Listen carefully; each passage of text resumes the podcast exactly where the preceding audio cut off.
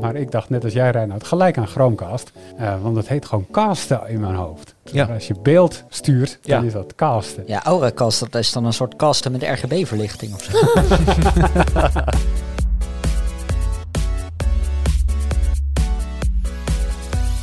Hoi, leuk dat je luistert. Welkom bij de Tweakers Podcast, aflevering 222. Dat is toch wel een bijzonder getal. Mooi, mooi. ik vind dat mooi, ja. Um, Zouden wij aflevering 1337 nog gaan, uh, gaan doen, denk je? Komen Als we, lang genoeg doorgaan, dan komen Ja, dat is een beetje dat was de indirecte vraag natuurlijk. 52 weken in een jaar, dus dat is ongeveer 26 jaar. We zijn vier, vier jaar onderweg. Dus als we eugeneske uh, leeftijden bereiken bij ons op de redactie, dan, uh, dan komen we daar. Ja, de pensioenleeftijd gaat steeds wat omhoog. Dus uh, je hebt dus gewoon kans dat we het redden. Precies. Sorry, maar jouw naam was? Mijn naam is Arnoud. Ik zit vandaag aan de tafel met Jurian Ubachs. Hey, hallo. Thomas Horstenbach. Hoi. En Reinoud Dik. Hallo. Ja, ik zei al aflevering 222. Daarom gaan we het hebben over twee verhalen. Over twee processorontwerpers. Over twee momenten in de tijd. En dit nemen we op op de 22e in het jaar 2022. Precies, meer tweeën kun je gewoon niet hebben. Ik vind het mooi, Reinoud. Ja. We kunnen ook gewoon zeggen dat we opnemen op 22 februari. Weten de luisteraars toch niet? Ja. ja je hebt voor februari wel een goede kleur, uh, Ja, ja, ja. Nee, ik uh, ben veel buiten geweest. Ja, in Flevoland is het heel zonnig in februari. Kijk maar naar de opbrengst van mijn zonnepanelen, want dat doe je natuurlijk als je zonnepanelen hebt. Elke dag kijken. Nee, nee, inderdaad. Helaas, dat net niet. Maar um, uh, we hebben het natuurlijk over Intel en AMD en wat ze in de afgelopen jaren hebben gedaan en wat ze in de nabije toekomst gaan doen. Naar aanleiding natuurlijk van de verhalen. Eentje verscheen al gisteren, als je dit luistert op de dag dat deze podcast uitkomt. Uh, met de vraag, zou ik moeten upgraden als ik nu een, uh, een oudere processor heb van Intel? Um, en daar gaan we het dus straks over hebben. Maar we beginnen zoals altijd met de highlights. Reinoud. Ja. Begin bij jou. Oké, okay. uh, mijn highlight is een lowlight. Dat mogen we even een moment van stilte voor de, de high-end desktop. Oh, ik heb gewoon een high-end desktop staan thuis. Ja, precies. ja, je hebt geen echte high-end ja, spring, Ik spring even in deze... Ja, jij, ja. Weet, jij weet beter wat erin zit dan ik waarschijnlijk. Ja, je hebt een onwijze mainstream desktop. Ja. Nee, oh. Wat ik dan meer bedoel met de high-end desktop is niet die mooie PC die hier thuis zou staan, maar de HEDT. In dat opzicht de, de mhm. high-end desktop. De, de, de, categorie waarvoor je voorheen um, echt een, een nog, nog luxere processor kon kopen dan je, dan je nu al kunt. Um, dat waren aparte segmenten. En uh, uh, in de loop der jaren heeft, heeft eh, AMD daar een nieuwe categorie voor met, met Zen voor mm gemaakt om eindelijk te kunnen concurreren. Threadripper. Nou, ja. de prijs voor de beste naam komt al bij die marketingafdeling vandaan, denk ik. dat is wel Threadripper. Heel stoer. Maar um, AMD heeft dus aangekondigd dat ze praktisch gaan stoppen met Threadripper voor consumenten. Ze hebben in de loop der jaren uh, best wel wat generaties uitgebracht. Dus op basis van die Zen-architectuur die ook geëvolueerd is, van Zen naar Zen Plus, naar Zen 2, mm -hmm. uh, hebben ze ook met die, uh, met die reeks elk jaar dan weer nieuwe Threadrippers uitgebracht. Um, met de 5000 generatie, wat nu de nieuwste is, zijn ze begonnen met de Threadripper Pro-serie, waarbij ze dus niet de gewone Threadripper hebben uitgebracht. Mm -hmm. um, en nu hebben ze afgelopen week Pro is niet voor consumenten, Pro is voor bedrijven? Ja, Pro is, is meer een, een Epic Light. Epic is echt, echt de, de enterprise uh, sectie. Mm -hmm. En uh, ja, ik bedoel, als je echt gruwelijk veel geld hebt als consument, dan kun je een, uh, een, een Threadripper Pro wel kopen. Ehm, maar dan ben je aan de CPU alleen al 7 tot 10.000 euro kwijt. Dus dat is Goh. niet, ja, misschien dat Jur dat thuis heeft staan, maar verder, verder hebben we dat. Ik kijk even naar Thomas. hey, zover gaat het volgens mij net niet bij mij. Nee, maar ja, dat is dus, dat is dus um, uh, mijn highlight, omdat ik dat wel even wilde bespreken, omdat dat iets is wat AMD uit noodzaak uh, tot 2017 ongeveer uh, dat segment aan Intel heeft overgelaten. Omdat mm -hmm. zij gewoon geen goede CPU-architectuur hadden die goed kon concurreren en die ze goed konden laten schalen. Ondanks dat ze uh, met Bulldozer bijvoorbeeld nog heel erg hadden ingezet op een processor met veel cores. Nou ja, die discussie over cores en wat AMD een core vond, zullen we nog maar even laten liggen. Maar um, die, die core was niet sterk en die konden ze niet goed schalen over uh, grote hoeveelheden uh, in één package. Um, dus hebben die, die, die, ja, dat segment hebben ze echt uh, tot die tijd aan Intel overgelaten. Toen konden ze met de komst van Threadripper konden ze ineens goed, goed concurreren. Um, terwijl het is ook wel weer grappig dat als je teruggaat naar de oorsprong van Threadripper, heeft AMD aangegeven, joh, dit segment stond eerder helemaal niet op onze roadmap. Um, die Zen Core en het ontwerp schaalde zo goed. Ze hadden Epic en, en uh, de desktop Ryzen op, op, op de AM4-socket hadden ze altijd al die roadmap staan. En toen dus gaandeweg bij één afdeling van AMD het idee gekomen... hey, kunnen we niet die, die, die, die ja, het beste van beide pakken, van de Ryzen desktops en de Epics. En eh, ja, ook dat segment van die HDT gaan, eh, van Intel gaan aanvallen. En dat hebben ze gedaan. En waarom zijn ze nu dan gestopt? Kocht gewoon niemand die dingen? Of, eh? Nou ja, dat is een, eh, een goede vraag. Ik denk dat er meerdere antwoorden op mogelijk zijn die gezamenlijk, denk ik, het correcte antwoord vormen. Ehm, je sowieso kun je je afvragen, wat is vandaag de dag HEDT nog? Ehm, voorheen was dat heel makkelijk te beantwoorden door te zeggen, nou, dat is een luxe segment, duurdere moederborden, eh, sterkere CPU's, want die hebben meer cores. Maar Waarvoor staat het eigenlijk HIDT? ja, high-end desktop. Ah ja, logisch. Ja, Dus ik denk dat dat is veel, dat is, heeft iemand een hele mooie afkorting voor gemaakt, maar dit is wel heel simpel. Ja, Misschien is er nog een andere mooie afkorting voor. Ik weet het niet. Maar ehm, ja, dus, dus in dat opzicht, wat is dan HIDT? Ja, eh, vandaag de dag kun je op, eh, zowel bij Intel als bij AMD, kun je voor de, de gewone moederborden, om het zo maar te zeggen, socket 1700 voor Intel en eh, nu nog socket AM4 voor, voor AMD, kun je CPU's kopen die ook al veel cores hebben. Sterker nog, je kunt nu CPU's voor die borden kopen die meer cores en threads hebben dan wat we bij de eerste generatie Threadripper bijvoorbeeld gezien hebben. Mhm. Dus in de afgelopen vijf, vijf en een half jaar is dat aantal cores en threads echt enorm toegenomen. Ehm, dat hadden we ja, dus vijf of zes jaar geleden niet voor mogelijk gehouden dat het kon. Dus dat is in ieder geval één argument waarom je kunt zeggen, oké, dat de HDT heeft geen bestaansrecht meer. Ja, en een andere reden waarom je nog voor HDT zou gaan vroeger was dat je altijd veel meer bandbreedte kreeg, veel meer PCI Express lanes bijvoorbeeld, Ja. om meerdere videokaarten aan te sluiten. Ehm, ja, meerdere videokaarten, dat is tegenwoordig geen ding meer. Je hebt natuurlijk wel SSD's die PCI Express lanes gebruiken, maar we hebben eigenlijk ook gezien dat die mensen in platforms niet alleen maar meer cores kregen, maar ook steeds meer PCI Express lanes. Je kunt Mhm. tegenwoordig eh, naast eh, je, je videokaart die 16 lanes krijgt vaak nog één of twee M2 SSD's eh, rechtstreeks op de processor aansluiten. Dan zijn er ook nog via de chipset een hoop lanes te verkrijgen. Die zijn wel iets langzamer, maar toch. Ehm, eigenlijk alle redenen waarom je nog voor HDT zou gaan, eh, die, zijn, eh, die zijn langzamerhand verdwenen. En, en wat is gebleven is, is de meerprijs. Ehm, en het feit dat zo'n processor, doordat hij zoveel cores heeft, ook in sommige taken wat minder snel is dan een normale processor in gaming bijvoorbeeld. Ja. Ja. Ja.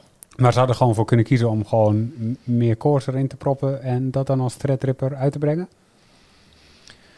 Dat je, je bedoelt op, eh, op, op, op, het, eh, op de kleinere socket, op de AM4 of de AM5, een, Ja. een CPU uit te brengen die Ja, de naam Threadripper... eh, Precies. Een soort luxe versie van de meest high-end variant in de Ryzen 5000 serie. Ja, dat Dat zou je kunt kunnen toch? doen. Maar dan, dan is een beetje de vraag: wa- wat heeft zo'n processor ten opzichte van de, de modellen daaronder die de naam rechtvaardigt van een Threadripper? Nou, de naam. De, na- de naam is de rechtvaardiging. Ja, dat, zou kunnen. Ja, op dat platform is sowieso iets wat ze, eh, wat ze waarschijnlijk voor, voor ja, wat ze op het mainstream platform niet extra gaan toevoegen, zijn eh, meer PCI Express lanes. Dat, dat Mhm. zie ik niet zo snel gebeuren. Dat is ook altijd een balans tussen eh, energieverbruik, formaat van die chip en, en, en schaalbaarheid. Ehm, en dat is iets wat natuurlijk Threadripper wel had. Dat, dat, dat zei Thomas net ook al. Ehm, en ik denk dat nog een ander argument waarvoor je Threadripper had kunnen gebruiken afgelopen jaren was eh, het aantal geheugenkanalen. Met meer Mhm. geheugenkanalen heb je meer geheugenbandbreedte. Maar nu hebben we ook de overstap naar DDR5, waar we momenteel in Ja. zitten. Ehm, dat geeft weer een hoop ademruimte. Dat geeft voor processors die zoveel cores hebben en al die cores die ook aan het werk houden en die van data moeten voorzien worden om aan het werk gehouden te kunnen worden. Mhm. Eh, geeft dus veel meer ademruimte, terwijl je eh, dan niet heel veel geheugenkanalen nodig hebt. Dus dat heft het ook weer op. Het is natuurlijk nooit uitgesloten dat AMD eh, over een tijd toch weer teruggaat naar eh, eh, nieuwe producten uitbrengen in de gewone Threadripper niet Pro-serie. Mhm. Kan altijd. Maar, Maar, ze hebben nu wel echt een punt gezet hè, in die aankondiging. Het was wel echt een verhaal van we, we stroomlijnen ons aanbod en we gaan zorgen dat het simpeler wordt met maar één serie, Ja, één soort moederborden. Ehm, dus ik denk dat die deur voorlopig wel even dicht zit. Nou, Ja.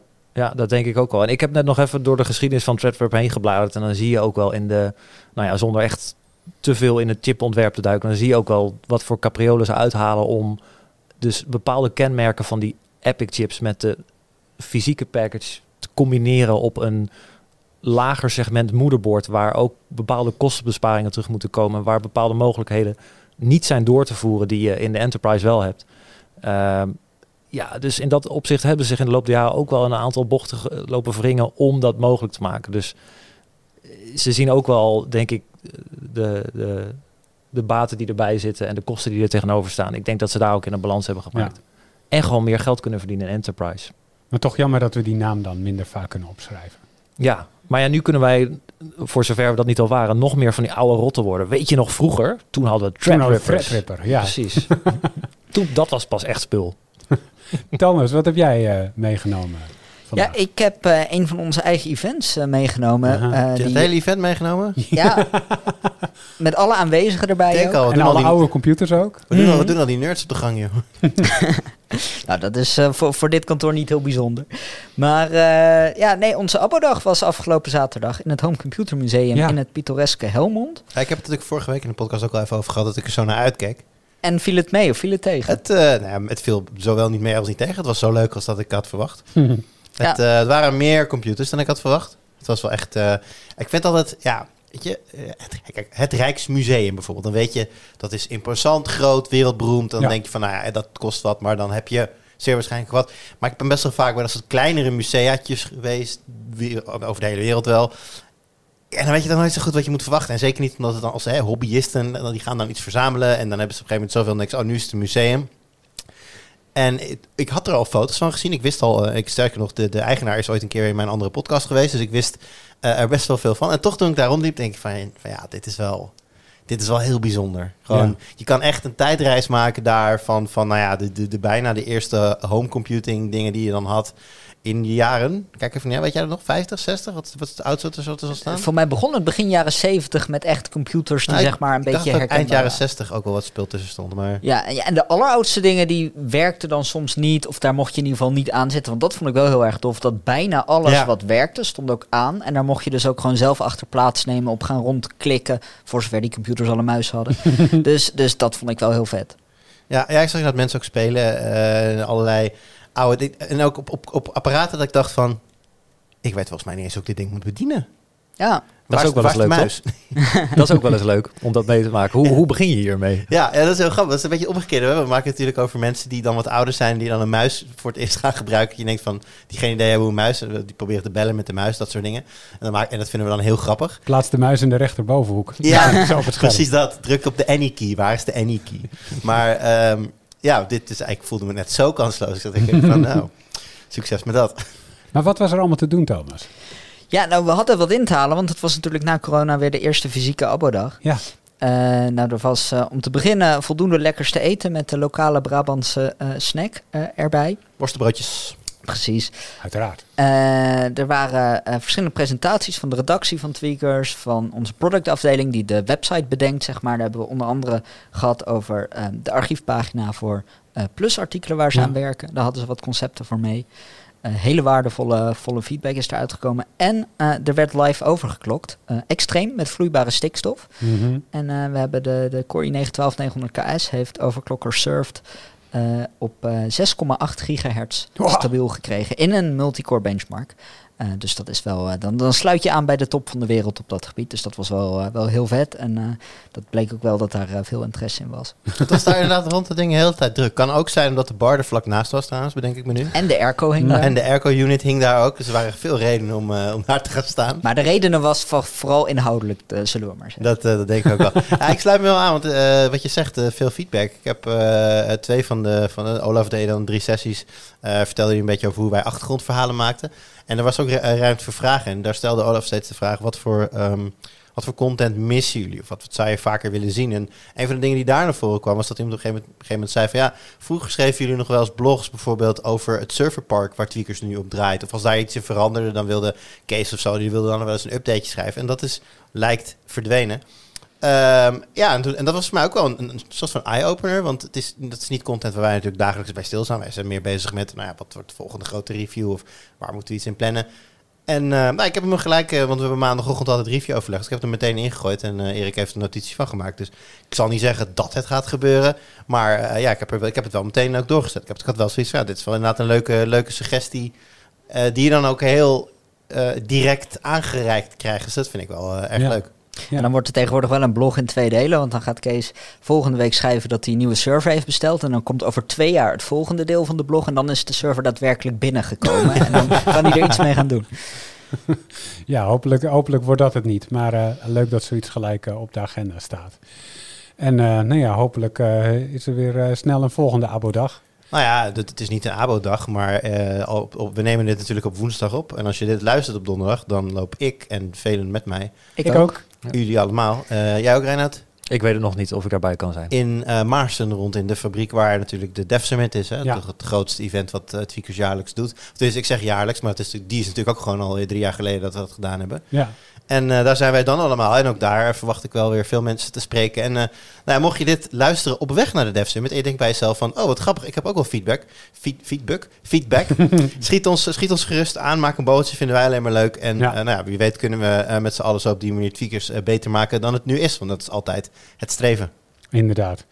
Maar Jur, als je toch aan het woord bent, wat heb jij eh Ah, man, meegenomen? allemaal buiten adem van het woord zijn. Moet ik weer, nu moet ik nu gelijk weer verder. Ja. Ehm, een tijdje geleden maakte ik een verhaal over eh, NFT en over eh, play-to-earn games. En dat Mhm. had wat raakvlakken met de metaverse. Daar hebben we natuurlijk ook andere achtergrondverhalen over geschreven.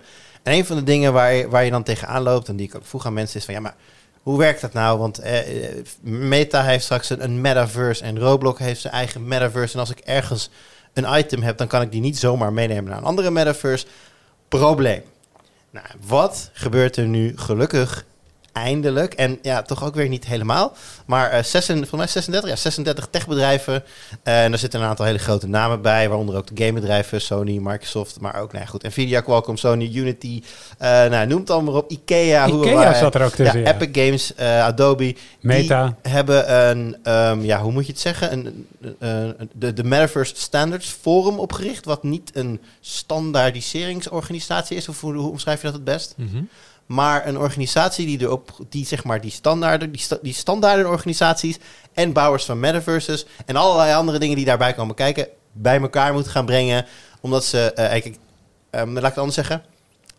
Dit is voor mij nog niks. Nee. Dit is een organisatie, een, een, een, een papieren tijger by design. Dit ding heeft geen macht, heeft geen zeggenschap over iets, gaat ook niks maken. Maar wat het voor mij wel is, is een indicatie dat in ieder geval die 36 bedrijven toch ook wel inzien dat als je straks 36 metaverses hebt, dat het verdomd moeilijk is om samen één liedje te vormen. Dus die versjes die moeten keurig een beetje met elkaar kunnen praten en één geheel gaan vormen. En ja, die, Mooi. dat het begin van die intentie er is, dat, dat ik zoiets van, nou, dan, is het, dan, dan zijn we op weg. Ja, ik vind het alleen wel heel erg vrijblijvend. Ja, nee, enorm. Het is, ehm, ik begrijp letterlijk nog niet precies wat deze, dit, dit forum, dit Metaverse Standards Forum nu exact gaat doen. Het is een beetje, ze gaan denk ik pushen op dat er een soort van, dit is een heel erg moeilijk woord, interoperate, nee, ik ben hem kwijt. Dat. Dat het met elkaar kan, samenwerkt. Wie kan, ja, dat met elkaar kan praten. J- Jullie weten wat ik bedoel, maar ik kan het gewoon niet uitspreken. hardop. Interoperabiliteit. Die is het, interoperabiliteit. Ja. Dankjewel. Als je het eenmaal voordoet, dan heb ik hem wel. Nee, ja, dus het is echt gewoon volgens mij een soort van openbare intentieverklaring van die 36 Ja. bedrijven. Dat zij zeggen, wij willen in, het, in een ideaal geval dat alles wat wij doen in de metaverse, dat wij daarin met elkaar kunnen gaan samenwerken op een bepaalde manier. En dan moet je nog gaan, gaan, eh, gaan bedenken hoe die euro dan 36 verschillende kantjes op kan gaan straks. Mhm. Maar dat eh, is een ander verhaal. Maar dat is dus, je spreekt heel duidelijk uit, eerst zien dan Ik spreek geloven. het niet duidelijk uit. Dat was... eh, dat wordt niet. Maar je geeft duidelijk aan, Ja. eerst zien dan geloven. Ja. Wat- ja, maar dat is met alles. Ik bedoel, ehm, als je de reacties onder alles wat wij schrijven over NFT, over metaverse, daar zit enorm veel kritiek, enorm veel sceptisch. De piramidespel en Ponzi-scheme vliegen je Ja. haar om de oren. Dat is een, eh, een enorm obstakel dat ze moeten gaan slechten in, in, in vertrouwen. En ik denk als je als techwereld erin slaagt om een metaverse te maken met z'n allen of metaverses aan elkaar te koppelen, zodat ze met elkaar kunnen praten, dat je de weg naar dat vertrouwen makkelijker maakt. Klopt. Een van de grootste kritiekpunten is misschien ook een soort van een drijfveer die dit wel tot een succes kan maken, denk ik. Namelijk, er valt geld te verdienen. En die bedrijven verwachten in ieder geval hier veel geld mee te gaan verdienen. Kan er dus ook voor zorgen dat dit platform eh, wel serieus genoeg gaat worden genomen. Ja, en dan is natuurlijk de vraag, wat is op een gegeven moment dan de meerwaarde voor de gebruiker? Ik bedoel, ehm, anders dan rondlopen in een gek pakje en, en, even- en eventueel kijken naar een digitale versie van een optreden. Verder dan dat ben ik nog niet gekomen in waarom zou ik in deze metaverse willen rondlopen. Misschien ook een generatiedingetje. Hè? Kids nu groeien voor een heel belangrijk deel online op, zo ongeveer. Dus voor, voor hen is het alweer heel anders om met, alle, met al je vrienden in een Fortnite of whatever it is eh, te zitten en, en daar dingen te doen. Dus als dat dan kan praten met andere metaverses, is dat voor hen, naarmate ze op een gegeven moment ouder worden en ook eh, interesse krijgen in IKEA-spullen en dat soort dingen, eh, een voordeel. Ehm, ja, eerst zien dan geloven vind ik een hele goede, goede, samenvatting eigenlijk.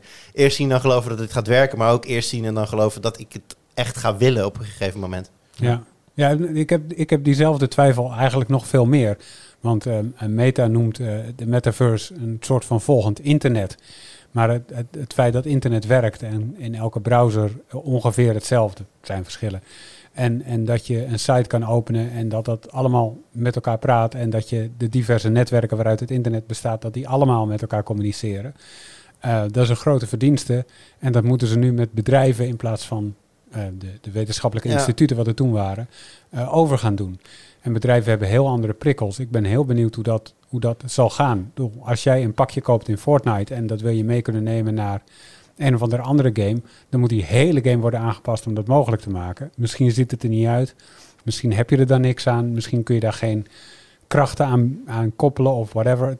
Er zijn, er zijn zoveel obstakels te verzinnen. En dan ben je maar 30 seconden aan het nadenken.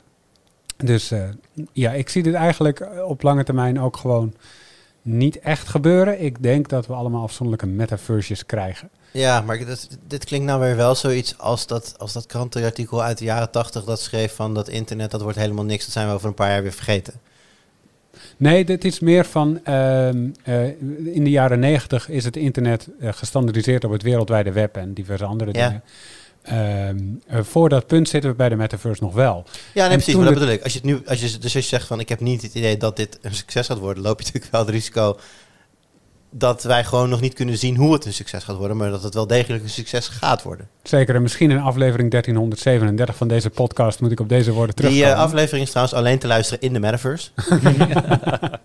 Nee, maar ik denk, nee, ja, die standaardisatie die moet ook echt wel plaatsvinden. En ik ben met je eens, het is een soort intentieverklaring. Maar als je een bedrijf vraagt, wil je meedoen? Je zit eigenlijk nergens aan vast. Ehm, maar als er een standaard gemaakt wordt, zit je daar dichtbij. Ja, natuurlijk zeggen ze ja, allemaal. Eh, dus het is ook wel echt, echt heel vrijblijvend en haast vrijwillig. Dat is het probleem ook. Ik denk dat eh, veel grote bedrijven zitten erbij. Bedrijven kunnen zich ook nog aanmelden, kunnen daar ook nog bij als ze nou, financieel daar eh, ook iets in willen betekenen. Maar ik ben een beetje bang dat als straks heel, veel slimme mensen er iets over hebben gezegd, dat een groot bedrijf als Meta, als Microsoft geeft zegt van ja, leuk die standaardisering, maar als wij gewoon alles bij onszelf houden en alles onze eigen tech maken, verdienen we daar echt veel meer geld aan. Precies, Dus we gaan het niet doen. precies. Dat zou zomaar kunnen gebeuren. Ja, Ja, dus heel benieuwd hoe dit verder gaat inderdaad. Maar eh, het, is, het, het, zijn, eh, het zijn leuke, spannende stappen. Ehm, waar ik het tot slot over, over eh, eh, wilde hebben in de highlights, is iets dat Auracast heet. En ik wil even een... eh, heb- hebben jullie ervan gehoord? Weten jullie, als ik Auracast zeg, wat het is? nee. Chromecast ken ik wel. Oké, want ik wou ze vragen, waar denk je aan? Maar je denkt aan de Chromecast. En Jur, waar denk jij aan? Een podcastplayer. Hm. Ik denk aan Bluetooth. Ik heb Pocketcast. Ja, jij denkt heel goed, Thomas, dat weet ik. ik heb Auracast, Pocketcast, weet je wel. Ja. Ja, ik snap het. Ja, want, eh, de- de- deze naam wordt namelijk eh, als, als de Bluetooth stuurgroep. En dat is niet een intentieverklaring, dat is gewoon een stuurgroep die standaarden vaststelt. En dat al jaren succesvol doet. ehm, zijn zin krijgt, dan wordt Auracast een naam die je heel veel gaat tegenkomen. Daarom vraag ik ook specifiek naar de naam, want hij wordt dus waarschijnlijk heel belangrijk. Eh, net als Bluetooth, waar destijds, en we hebben hier een Polder Pioneers video van gemaakt tien jaar geleden, dus we weten hoe de naam Bluetooth tot stand is gekomen. Het was namelijk eh, Jaap Haartse bij Ericsson die eh, met die codenaam kwam en ze dachten, dat gaan we nog even aanpassen voordat het zover komt. En dat zou dan PET volgens mij gaan heten of zo. Zoiets. Hoe? Het, het, ze hadden een soort van, ja, ze hadden een soort van naam. Ik ben even vergeten wat het was. Ehm, die dan de marketingnaam zou moeten worden. En toen dachten ze, maar dat is heel onhandig. Want als je een zoekmachine opzoekt, dan vind je allemaal andere resultaten. Weet je waarop je geen andere resultaten vindt? Een of andere vikingkoning uit de 13e eeuw. Harald. Harald, Harald Blauwtand. dus toen hebben ze Bluetooth gekozen. En nu is het dus Auracast geworden voor een heel nieuwe set functies van Bluetooth. Dat is namelijk voor als je in de sportschool zit of op het vliegveld bent. En je wil eh, aankondigingen of geluid kunnen horen zonder dat je moet paren. Dus dat is dan broadcast. Eén zender die zendt dan naar heel veel koptelefoons en oordopjes het signaal uit. Ehm, dan eh, dan eh, moet dat met een bepaalde techniek. Dat gaat Auracast heten. En dan kan je dus je telefoon, kan je QR-code mee scannen of whatever. Of eh, ergens tegenaan tikken. En dan krijg je dus verbinding met die audiobron. Waarna je dus het geluid van de tv hoort in de sportschool. Of hoort wanneer je vlucht gaat op het vliegveld. Of eh, hoort hoeveel vertraging de trein heeft op, de, op, de, op, het station. Dat soort dingen, daar is het voor bedoeld. Of bij een conferentie, dat je, dat je, dat je het in je eigen taal kan volgen. Moet, eh, moet jou, stel, stel je voor, ik zit in, op een vliegveld te wachten en ik wil ook muziek luisteren, maar ik wil ook die Auracast. Moet dan, dan moet jouw drager wel twee bronnen ondersteunen natuurlijk. Exact. En dat, dat, dat zit dus ook in die standaard. En dan luister je dus gewoon muziek. Ja, en dat ga- gaat dan op pauze. Ja. En dan zegt hij, joh, eh, vlucht naar, eh, naar daar en daar, die gaat nu worden. En dan gaat je muziek weer verder. Dat is een beetje de bedoeling. Ja. En dat eh, klinkt super handig. Dus dit is wel veel water wat door de, door, de, door de Rijn moet vloeien voordat het zover is. Want het moet, het moet eerst de standaard worden. Hè, dat is één. En dat is al moeilijk genoeg. Maar zelfs als dat er komt, dan moet de hardware er komen. Dat is ook nog niet zo'n probleem. Maar dan moeten telefoons dat ook gaan ondersteunen. En, eh, en het zou ook op horloges kunnen, maar telefoons is het meest waarschijnlijke. Ehm, dus dat moet er nog komen. En dan moet het nog op sportscholen en in vliegvelden en waar dan ook, op conferenties of waar het ook maar om. Moeten die het ook in gebruik nemen, waar ook weer eigen hardware voor nodig is.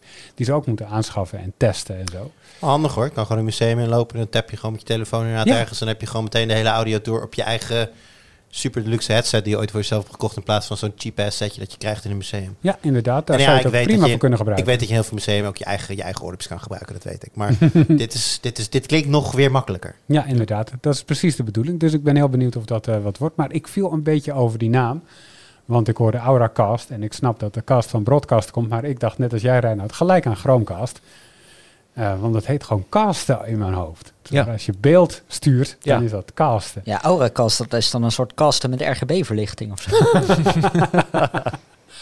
Ja, dat zou ook heel goed kunnen werken. Maar goed, ik ben, eh, ik ben heel benieuwd hoe dat, eh, hoe dat verder gaat. ik ken dus gewoon heel veel podcasts die het woord cast in hun naam hebben. Ja. De, de boekencast en noem het allemaal maar op. Ja, Weet je wel, dus ik, ik zat meteen in de podcasthoek. ja, Een inderdaad. hele alternatieve podcast over energie en meditatie. En over, en, over banen en... Ik ga straks meteen zoeken of die bestaat. Het zou, zou, zou toch niet verbazingwekkend Ik zijn? voel dat gewoon paars, paars, paars, paars, lila.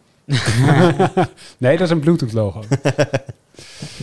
yes, dus, eh, dus dat. Ehm, eh, maar dan gaan we langzaamaan naar het hoofdonderwerp. En Thomas, jij schreef in een artikel wat, eh, wat eh, gisteren verscheen. En ik, ik ga je gewoon letterlijk citeren. Intels huidige reguliere topmodel, de Core i9 12900K, is in drie generaties tijd maar liefst 136% sneller geworden dan de i9 9900K in Cinebench Multithreaded. Ter vergelijking, het verschil tussen de 3770K en de 7700K, ook drie desktop-generaties, was 47%. Dat vond ik een groot verschil. Waar komt het vandaan?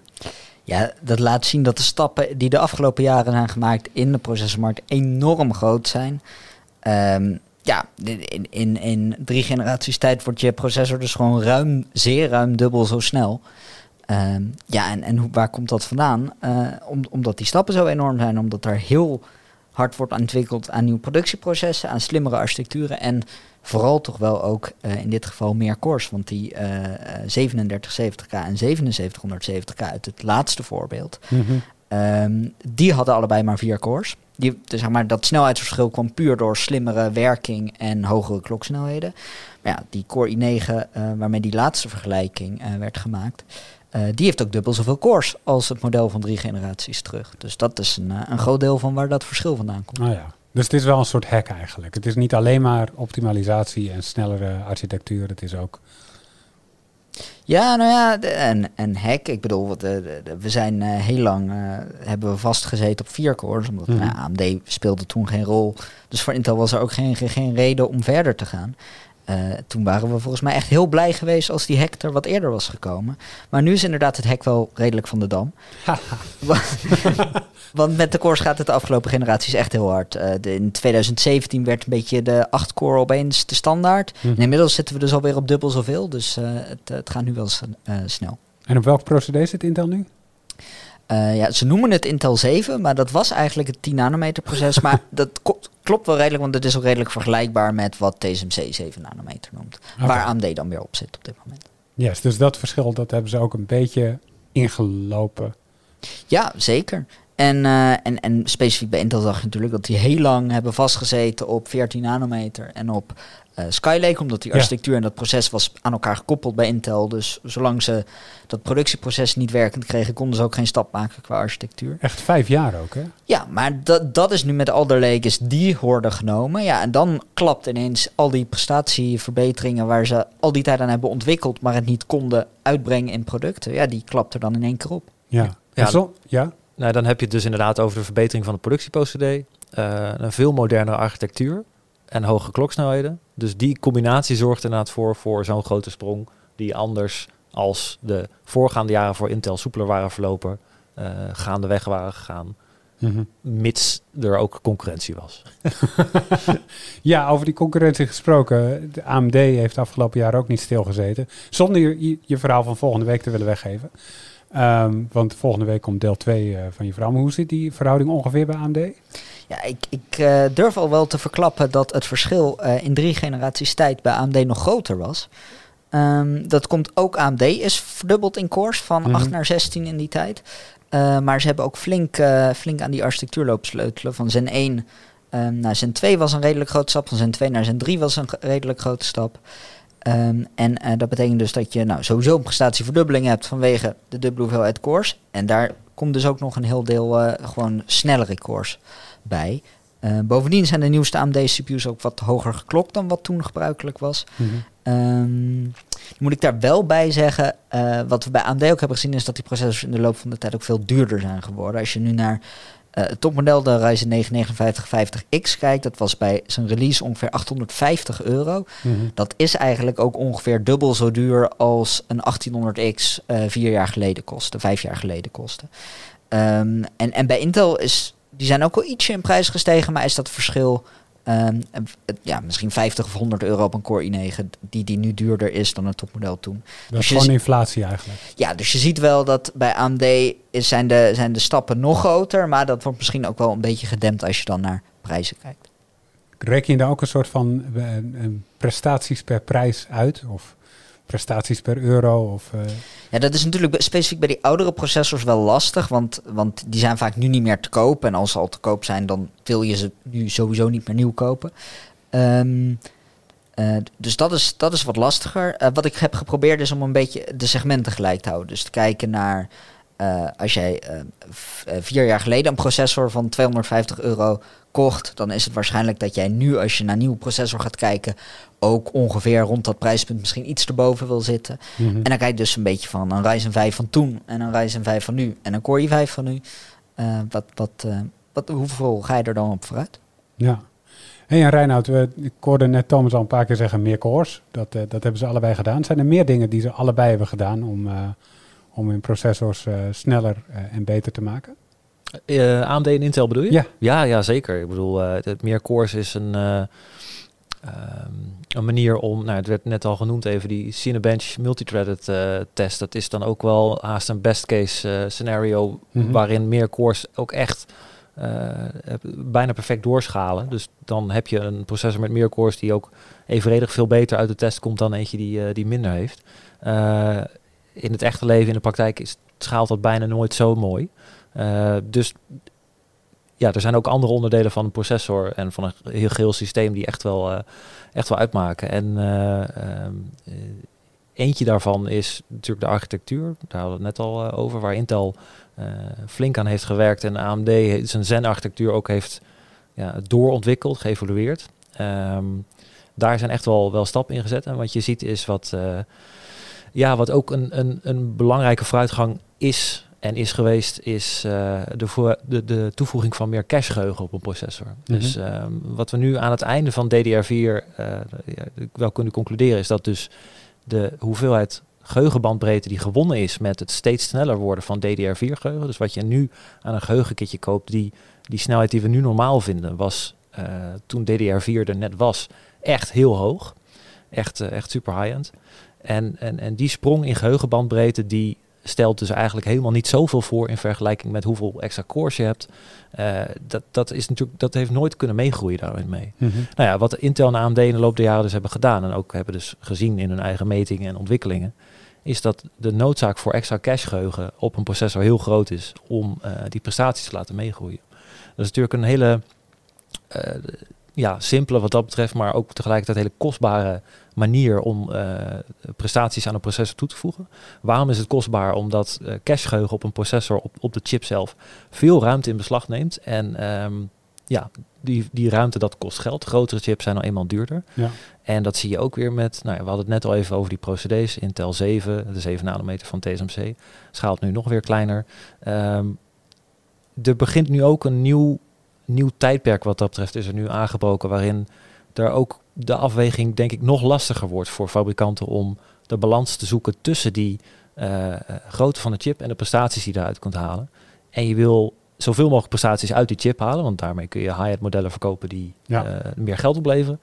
Um, maar als je daarvoor de kloksnelheden ontzettend ver gaat opschroeven, dan zit je ook met een hoog energieverbruik. Mm -hmm. Dat komt ook niet goed uh, bij het publiek terecht, want die willen natuurlijk ook energiezuinige producten. Dus het is best een lastige balans. En als die chips zoveel duurder worden om te maken op een nieuwe procedé, en laten we wel eerlijk zijn, een nieuwe procedé moet je als een uh, Intel, een AMD zijnde en nog veel meer fabrikanten, moet je eigenlijk wel op zitten als je echt goed concurrerende chips wil hebben. Ja. Um, dan is die, die noodzaak er dus wel om, uh, om dus ook genoeg cachegeheugen op die chip te hebben. Um, maar dus ook weer niet te veel. Want ja, alles wat je te veel als extra hebt, uh, dat is zonde van het geld. Als het niet de bottleneck is, dan hoef je het eigenlijk niet te doen. Bedoel je dat?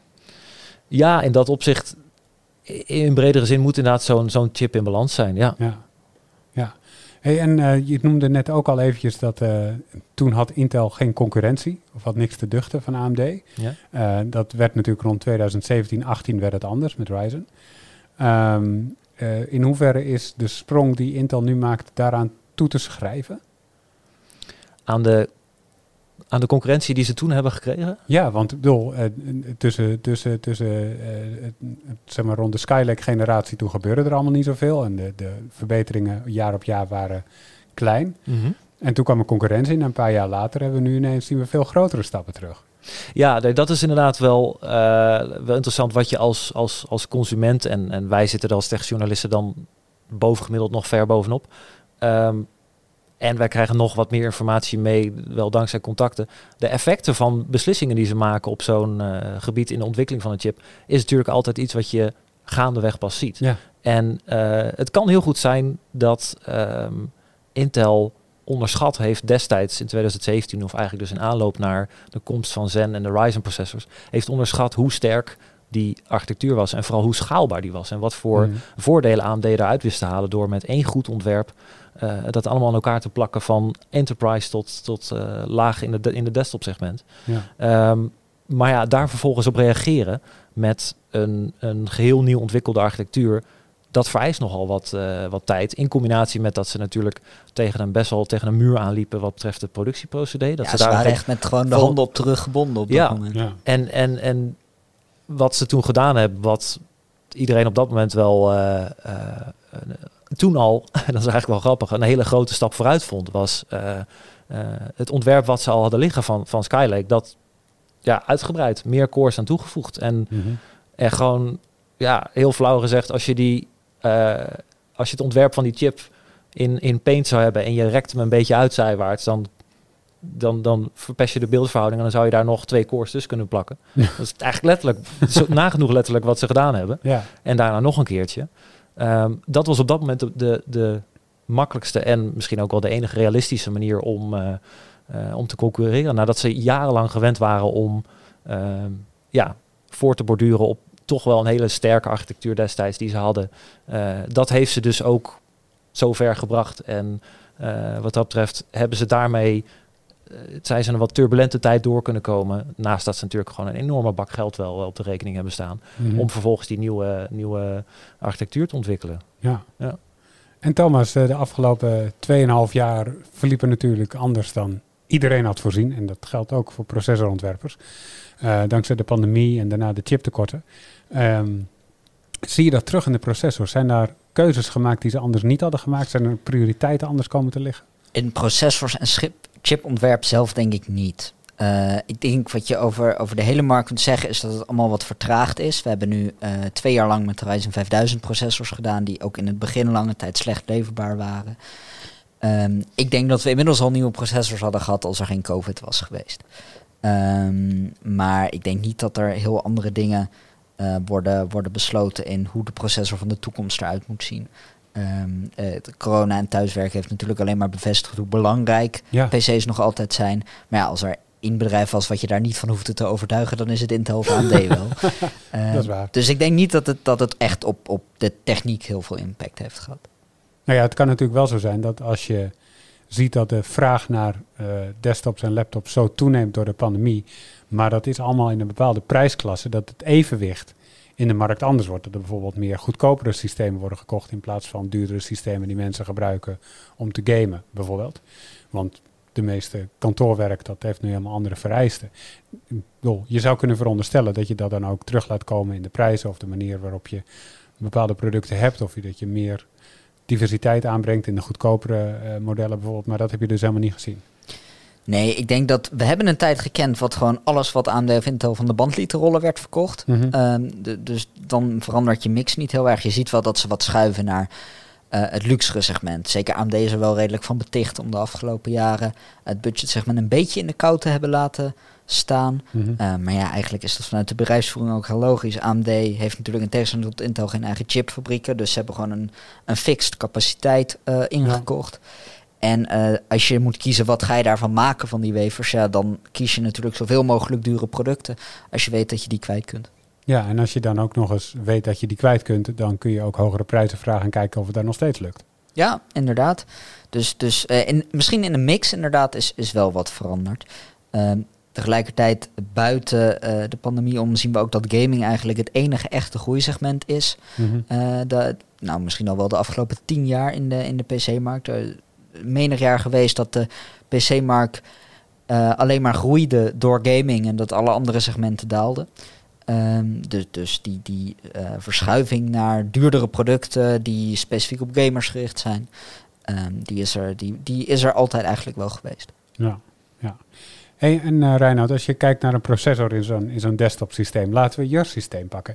Is, is de processor dan snel de bottleneck? Goeie vraag. Uh, daar zitten zoveel aspecten aan in, in, uh, in een systeem. Als je kijkt naar. Het hangt heel erg af van het gebruik wat je hebt. Maar in bredere zin zou ik zeggen dat eigenlijk ja, sinds... De gebruiker is wel de bottleneck hoor. In dat geval. daar is toch ook een mooie, mooie afkorting voor. Pepkak. Ja, zeker. Ja. Problem exists between... Keyboard en chair. Tada. Ja, precies. Uh, maar ja, in, in, in, bredere zin zou ik zeggen, wat de bottleneck in een systeem is, is de CPU dat. Um, in bredere zin zou ik dus zeggen dat eigenlijk sinds de komst van de SSD er al een enorme bottleneck is weggenomen. Mm -hmm. Zeker nu we ook weer snellere SSD's hebben, is dat iets waar in het verleden je processor dan nog vaak genoeg op stond te wachten. Het zat een beetje uit zijn neus te vreten, terwijl die harddisk aan het opzoeken was waar ergens dat bestandje stond waar, uh, waar Windows mee ingeladen moest worden. Dus daarin is je CPU al veel, in dat opzicht relatief gezien veel actiever geworden. In plaats van uh, het wachten op alle I.O.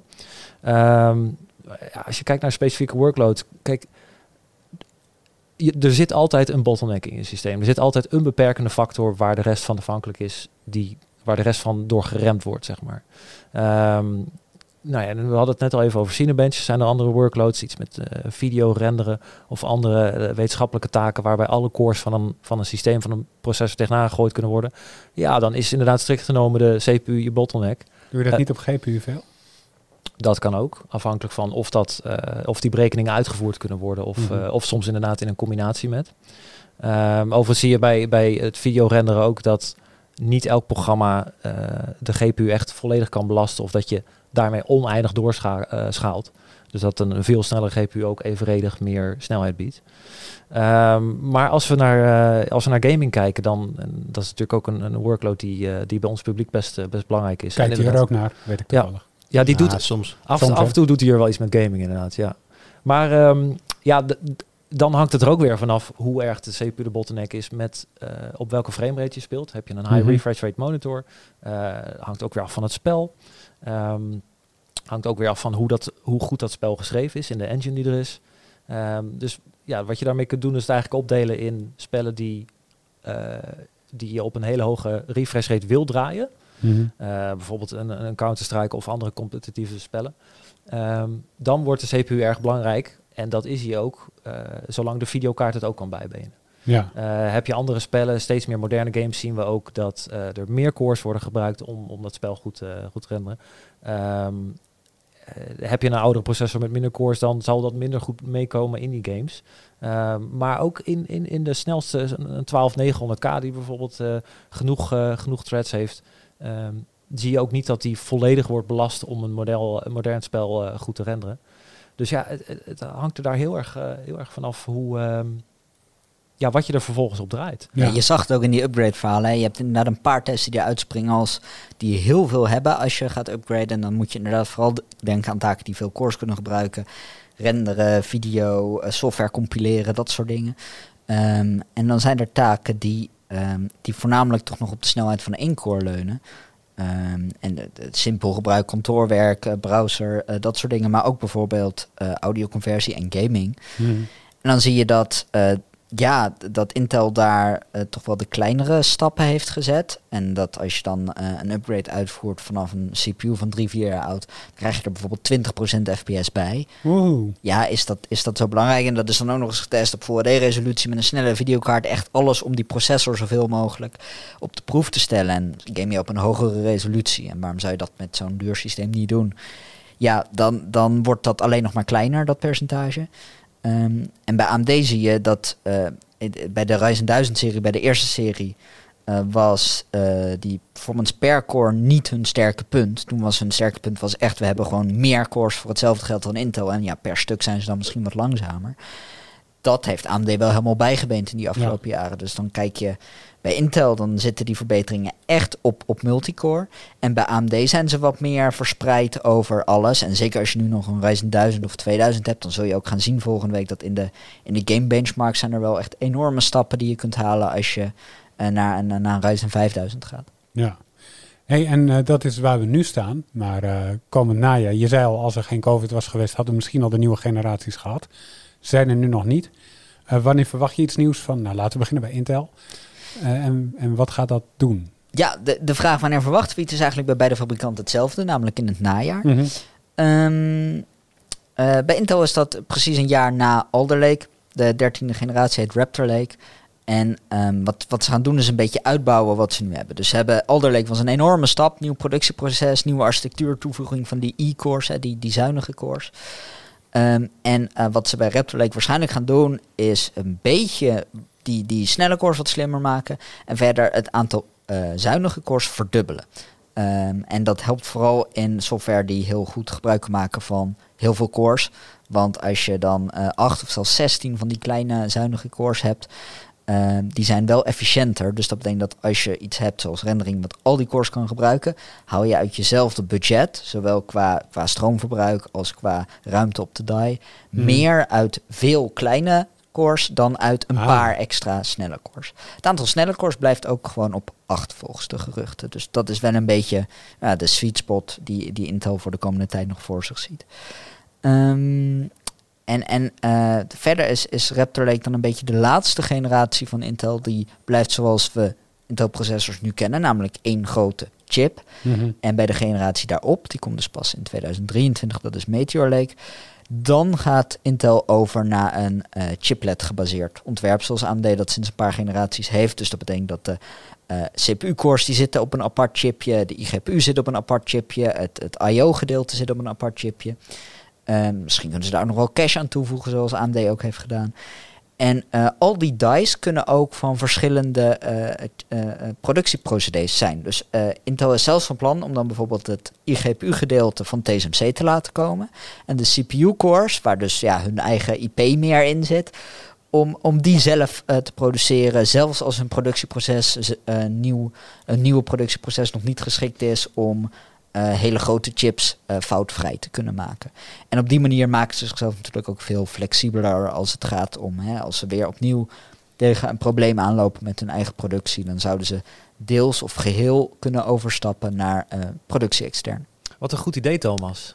Van wie zouden ze dat idee hebben? Ja, Hmm. die aan elkaar gelijmde chips, daar waren ze een paar jaar geleden toch niet zo'n fan van, maar eh, het, het blijkt toch gewoon de toekomst van de processor te zijn. Ja.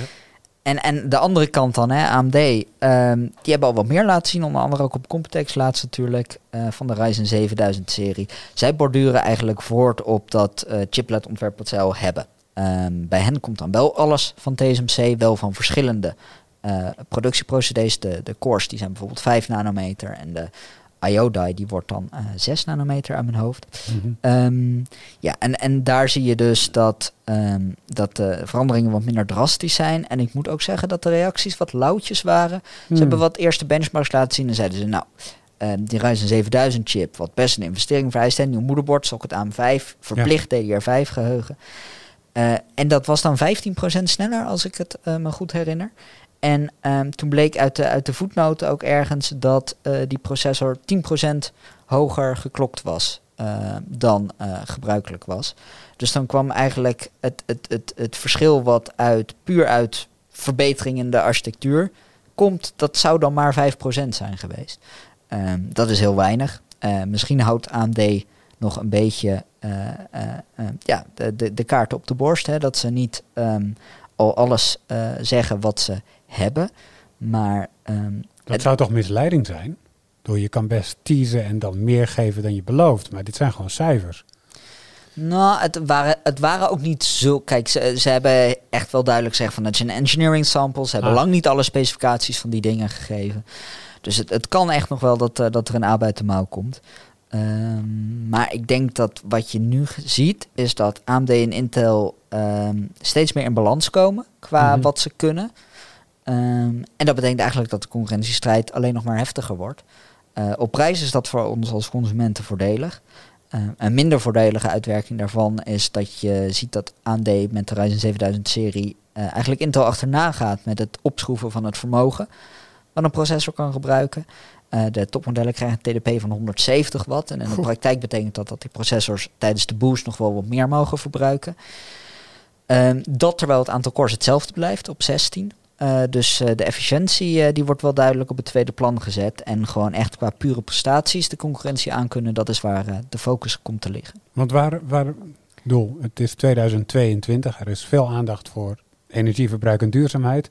En toch gaan die TDP's, heb ik het idee, alleen maar omhoog. Ja, en dan is processors misschien nog wel het, het betere voorbeeld in vergelijking met videokaarten die, die, die helemaal de pan uit gaan reizen de komende generaties. Ehm, ja, het, is, het is het nadeel van die concurrentie. We mogen daar als consument heel blij mee zijn, want we krijgen enorme sprongen in prestaties. Maar die kunnen maar voor een deel uit de, uit de techniek komen. En moeten voor een ander deel ook gewoon eh, uit, uit hogere kloksnelheden en dus hogere, ehm, ja, ho- een hoger stroomverbruik komen. En dan betaal je dus dubbel, want al die stroom moet je ook gewoon afrekenen uiteindelijk. Zeker met de huidige stroomprijzen. Als dat zo lekker door blijft stijgen, dan eh, wordt dat misschien ook nog wel eh, iets om rekening mee te houden in de aankoop. Want dan betaal je misschien wel 100 euro meer bij de aankoop. Maar wat je dan gedurende de levensduur bespaart, dat, eh, dat wordt dan ook nog wel een factor. Ja, inderdaad. Reinoud, heb jij een beetje zin in de komende generaties van dit najaar? Of zeg je nou, pas volgend jaar wordt het echt spannend? Nou, ik heb er sowieso zin in. Het gaat sowieso interessant worden. Dat, eh, dat weet ik al wel. Gewoon puur vanuit technisch perspectief om, eh, om, om te zien wat ze gedaan hebben. Ik ben Mhm. ook heel benieuwd om te zien hoe goed eh, de AMD-CPU's de volgende generatie met DDR5 eh, overweg gaan. Hoe goed die geheugencontroller is geworden. En dan als AMD die heeft uitgebracht, dan kunnen we beter een vergelijking maken met, met, eh, met Intel dan. Zowel met Alder Lake als met eh, Raptor Lake, wat tegen die, eh, tegen die tijd uit is. Ehm, wat ik daarbij nog wel een interessant eh, gerucht vond, wat deze week, als ik het goed heb, voorbij kwam.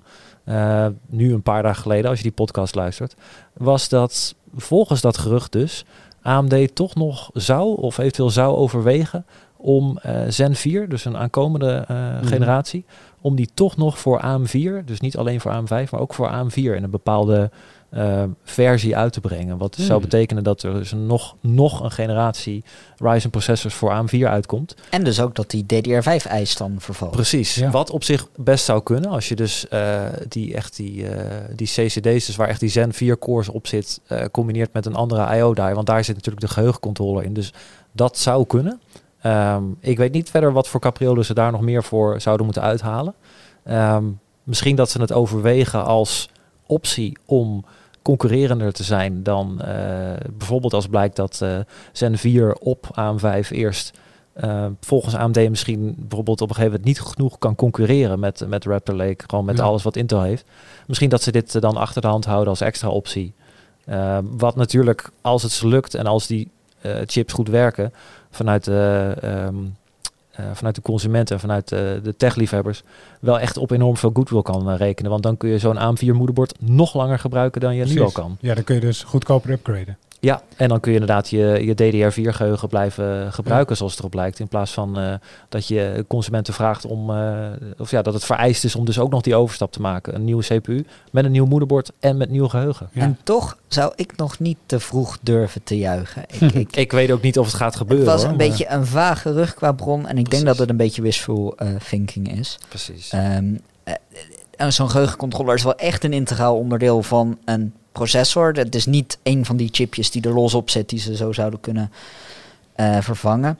Ehm, op dit moment is het gewoon een flink nadeel, want DDR5 is duur, blijft voorlopig ook volgens de verwachtingen van marktonderzoekers ongeveer even duur als het nu is. En bij Intel hebben we gezien, nou gemiddeld kwamen we daar op 5% prestatiewinst met DDR5 uit. Nou, daar zou je dat niet, nog niet voor willen doen. Aan de andere kant, dat is tijdelijk een nadeel. Ehm, dat lost zichzelf ook wel weer op. DDR5 zal wel toch wel, eh, zeker in de loop van volgend jaar, wel echt goedkoper gaan worden. Eh, bij, voor Intel is Raptor Lake eh, volgens de roadmap de laatste generatie die zowel DDR4 als DDR5 ondersteunt. Dus dan bij, als we die overstap naar Meteor Lake gaan krijgen, dan wordt het wel DDR5 only. Ja, en dan als, als zowel AMD als Intel alleen nog maar DDR5 doen, dan gaat daar het volume naartoe en dan wordt dat Ja. ook veel goedkoper. Ehm, het, het, zou kort termijn denkend wel gunstig zijn voor de concurrentiepositie van die Ryzen 7000 CPU's. Want eh, dan hoef je geen nieuw moederbord en geen geheugen te kopen. Dat is gewoon nou, plus 400 euro op, op de aanschafprijs van je, van je systeem, van je upgrade. Ehm, maar eh, ik vond de AMD wel heel erg stellig. Want ook bij die Ryzen 7000 pres- presentatie op Comtext hebben we natuurlijk als een van de eerste vragen gesteld. Klopt het dat je echt alleen maar DDR5 kunt gebruiken? Daar waren ze toen wel echt heel stellig in dat Hmm. dat zo was. Dat dat ook de beste keuze was. Dat dat een beslissing was die ze al vroeg in het ontwerpproces hebben moeten nemen. En eh, ja, eigenlijk denk ik dat het antwoord toen wel anders was geweest als ze stiekem de optie nog open hielden om, eh, om toch ook een DDR4-versie te maken. Oké, nou dan hopen we daar niet al te sterk op. Maar het wordt dus spannend dit najaar, begrijp ik. Tussen Intel en AMD wie, eh, wie de kroon zou kunnen gaan En pakken. voor het eerst sinds lange tijd weer echt head-to-head. Want eh, vorig jaar toen Alder Lake uitkwam, was de Ryzen 5000 serie al een jaar oud. Ehm, eh, daarvoor hebben we heel veel jaren gehad dat Intel een beetje met handen en voeten gebonden was. Mhm. En nu kunnen Intel en AMD weer eigenlijk alles geven. Eh, en ze gaan dan ook nog bijna op hetzelfde moment dus iets nieuws uitbrengen. Dus dat wordt inderdaad reuze spannend. Hmm. En alsof ze, eh, als ze zich nog niet genoeg verveelden, dan eh, gaat Intel zich ook nog aan de strijd van de videokaarten, de losse videokaarten Met toevoegen. Art. Ja. Met, eh, met ARC tegenover eh, zowel AMD als Nvidia. Dus eh, daar belooft ook nog wel het nodige vuurwerk te komen, zoals het erop lijkt. Het wordt een heet najaar, ik hoor het al. Yes, nou dank jullie wel. Eh, ik wil tot slot nog even vooruitkijken naar wat er op de site gebeurt eh, eh, komende week. Over processors gesproken, collega Daan was afgelopen maandag bij een congres van TSMC op Schiphol. Ze waren dus in Nederland en volgens mij hebben ze daar ook wat gezegd over hun plannen in Europa. Ik ben heel benieuwd naar het verhaal, maar ik heb het nog niet kunnen lezen, want hij heeft het nog niet gemaakt. Maar dat verschijnt komend weekend. Ehm, daarnaast ook komend weekend weer een eh, juridisch verhaal van eh, mijn naamgenoot Arnoud Engelfried. Eh, wat altijd nou voor veel mensen ook mooie verhalen zijn. Het levert altijd veel stof tot discussie op. Dat zal deze keer ook wel weer gebeuren. Heb jij nog iets, Jur, wat je wil sneak peeken? Eh, nou ja, als deze podcast online staat, dan staat er ook een review van mij online. Card Shark. Simpel spelletje. eh, heb ik op de Switch gespeeld, maar is ook voor Windows. Het gaat over eh vals spelen met kaarten. En het gaat echt over de kaarttrucjes die je dan moet, moet uitvoeren. Het is wel best wel een grappig spelletje. Volgens mij kost twee tientjes. Echt een leuk spelletje voor tussendoor. Wel, wel vrij pittig. Hmm, heel benieuwd naar. Nou, dank jullie wel. Eh, reacties kunnen eh, eh, in de reacties onder de post of via podcast.tweakers.net via de mail. Dankjewel voor het luisteren en tot volgende week. Doei!